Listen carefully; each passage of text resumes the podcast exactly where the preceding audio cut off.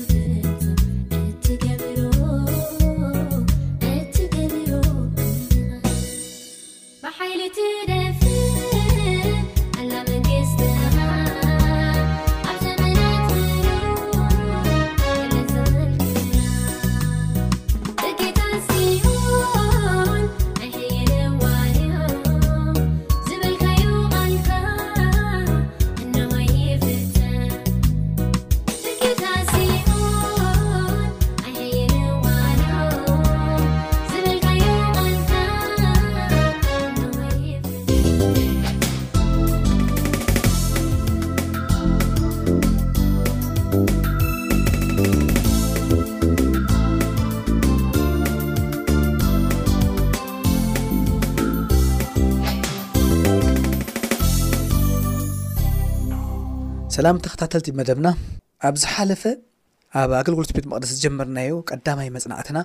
ርኢና ኔርና። ሎሚ ኣብ ካልኣይ መጽናዕትና ድማ ክንቅጽል ኢና። ኣብ ዝሓለፈ ከነጽንዕ ከሎና እተን ዝጽናዕናየን ናይታ ቀዳመይቲ ክፍሊ ከይበጻሕና ማለት ኣብ ኣጸድ ዘለዋ ኣቑሑት ተማሂርና ኢና ወዲእና ኔርና። ብዛዕባ መሰውኢ ምሕራርን ከበራን እንታይ የመልክቱ፣ ተምሳሌቶም እንታይ እዩ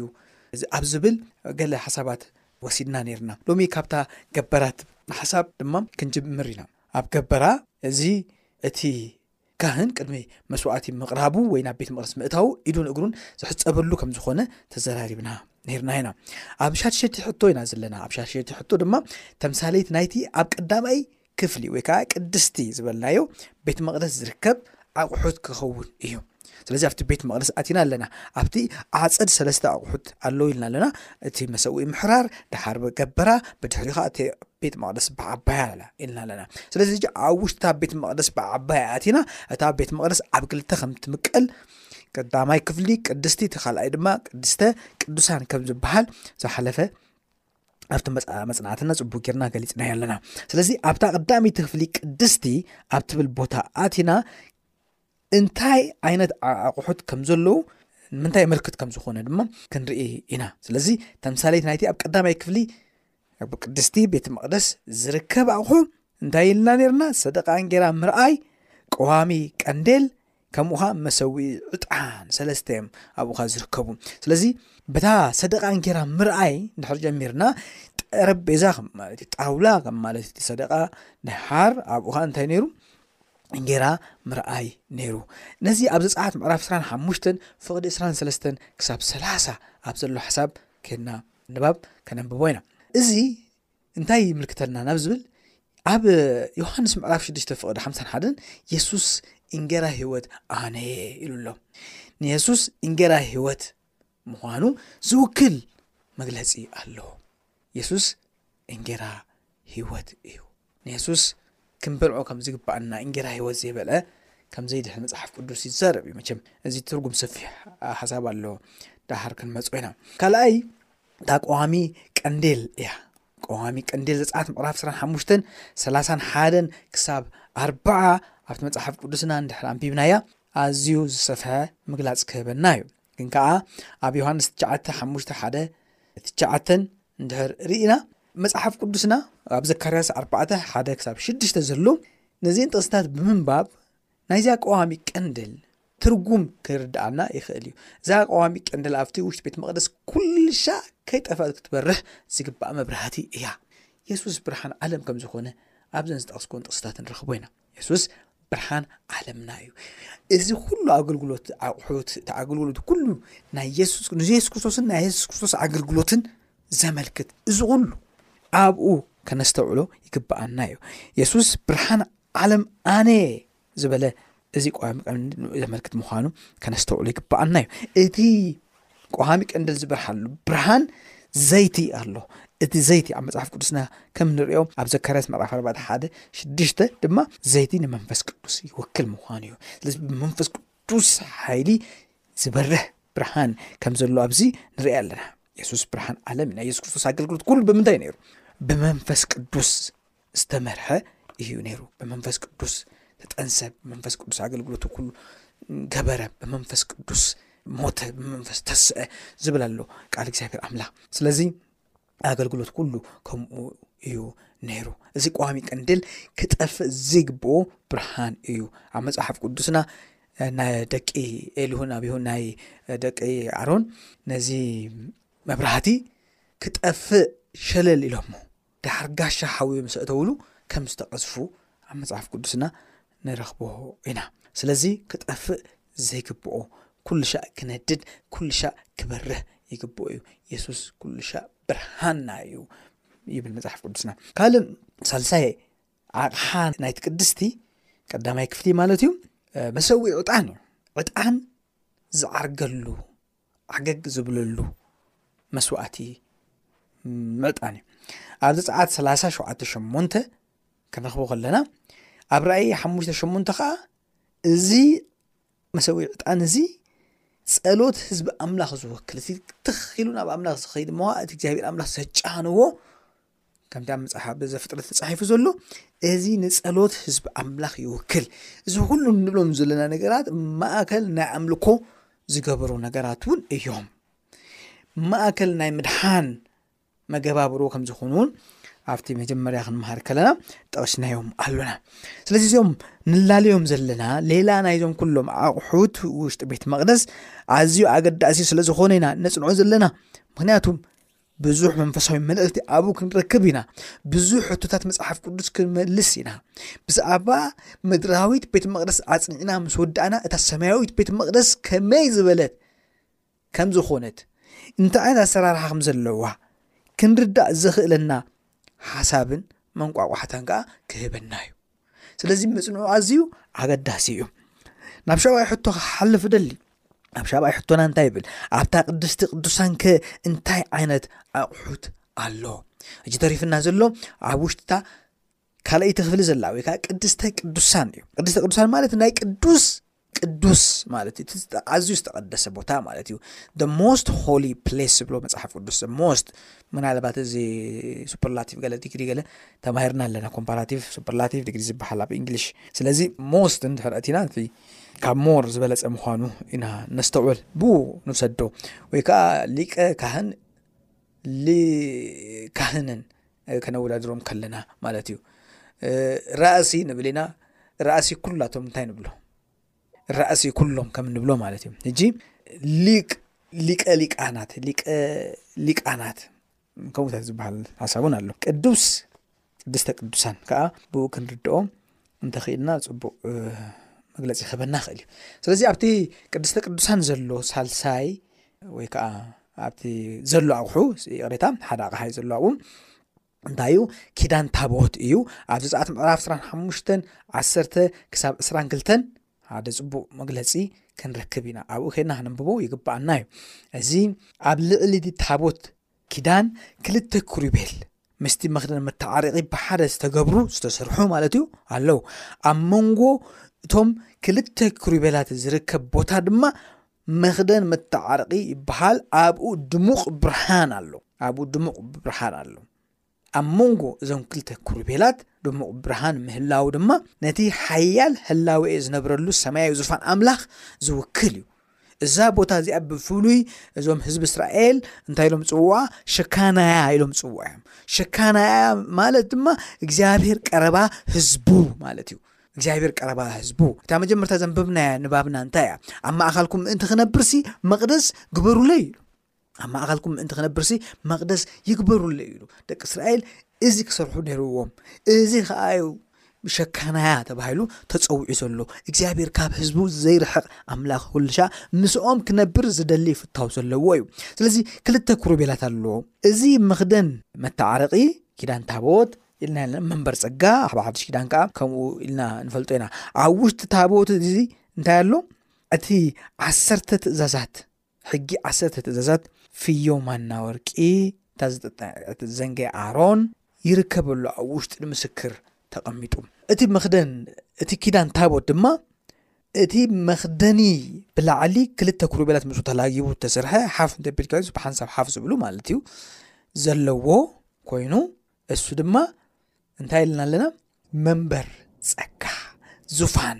ኣምላኽ ስለዚ እግዚኣብሄር ይብል ኣብ መዝሙር ሰማንያ ሓደ ኣብ ቴስዓውን ከምኡ ንረክብ ኢና መዝሙር ኣብ መንጎ ክልተ ክሩቤላት እትቕመጥ ኣምላኽ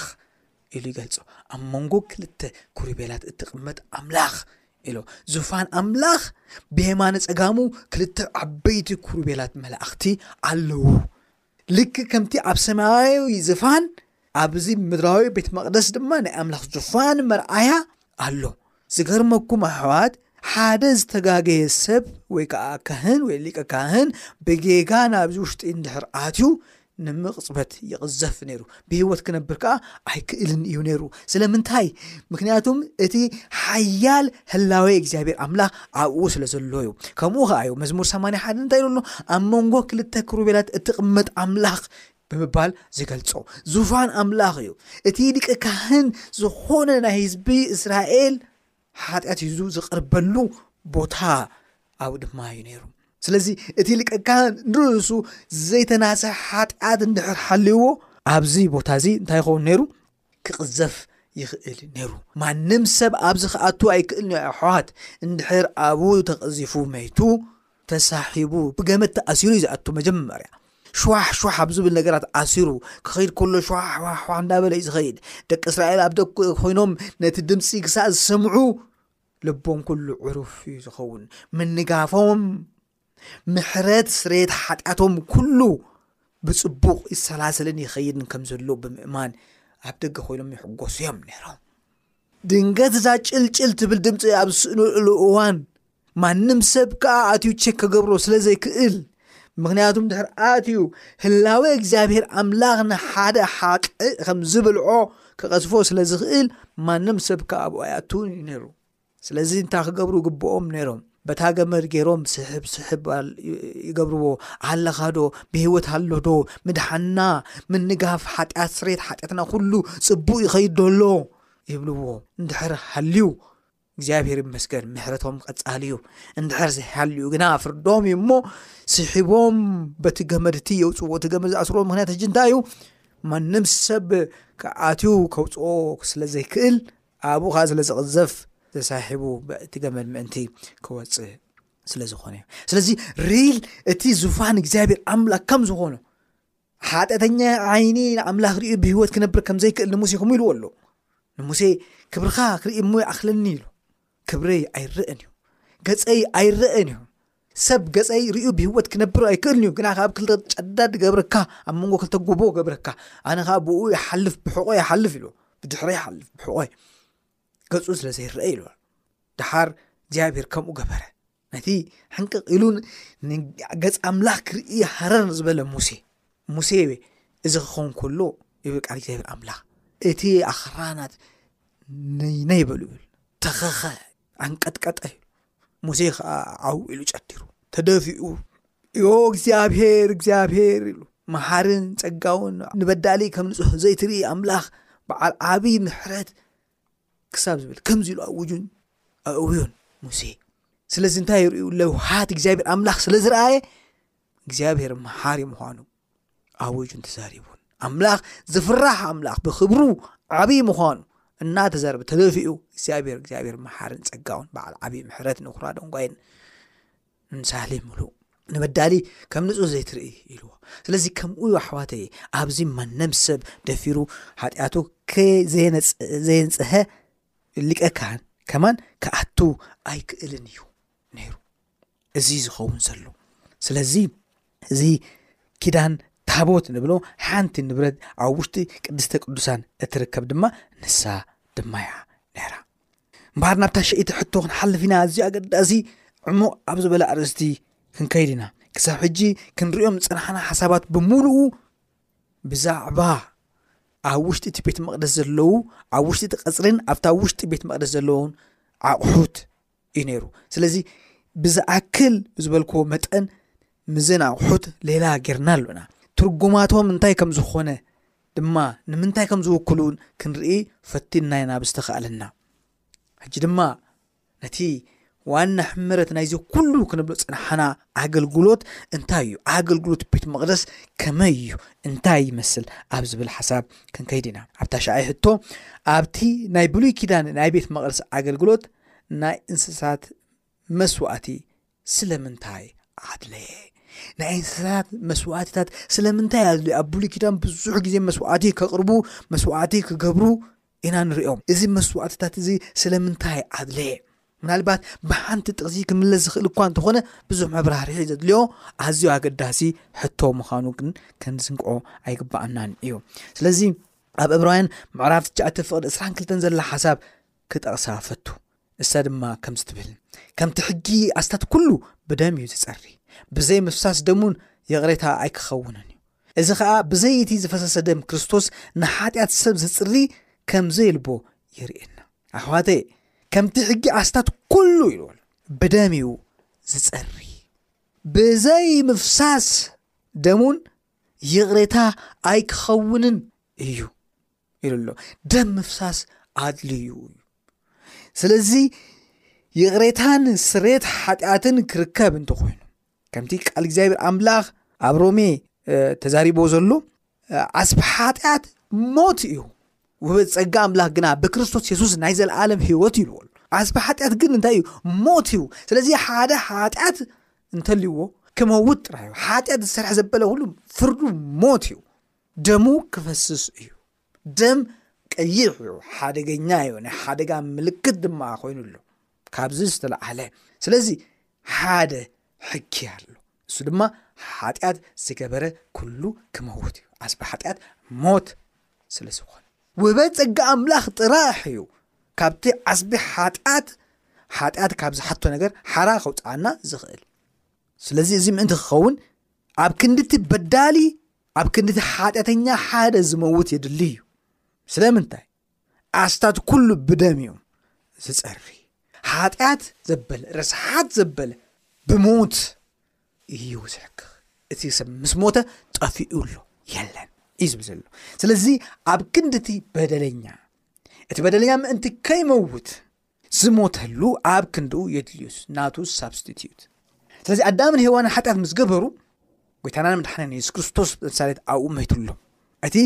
በጊዕ ሽዑ ዝተሓርደ እሞ ከዓ ንሳቶም ዝተኸደንዎ ደበሎ ከምቲ ቃሉ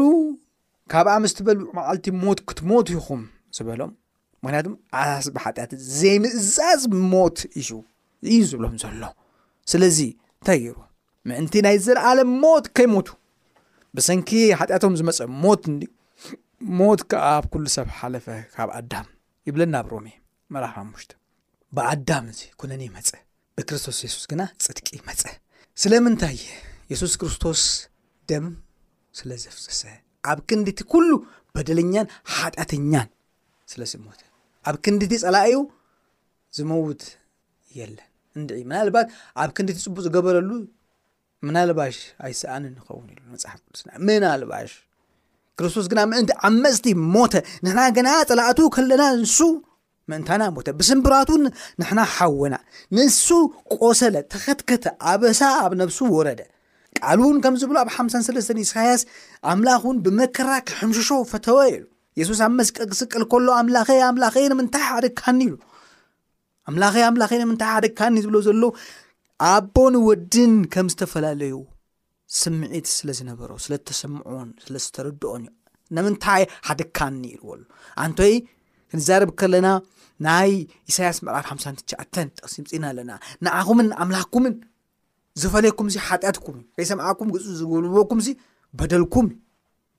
ኣብ መንጎኹምን ኣብ መንጎ ኣምላኽኩም ኮይኑ ዝፈላለየኩምሲ ሓጢኣትኩም እዩ ኢሉ ስለምንታይ ሓደ ካኒ ድማ ናይዚ ውፅኢት እዩ የሱስ ክርስቶስ ናተይ ናታትኩም ንሓጢኣት ብምውሳድ ደሙ ዘፍሰሰሉ ምክንያት ምድሓና ክኾን ከሎ ሓጢኣት ካብ ኣምላኽ ከም ዝፈሊ ከዓ ክረአ ኣምላኸይ ኣምላኸይ ንምንታይ ሓደካኒ ብምባል ኣብኡ ይገልጽ ኣሕዋተየ እምበኣር ናይ ሎሚ ታሽዓይ ሕቶና ሰዓት ገዲብና ከይወዳእናያ ኣብዚ ዶ ክነብል ኢና ኣብዚ ቅፅል ሳልሳይ ክፋልና ድማ ካብዚ ክንጀምር ኢና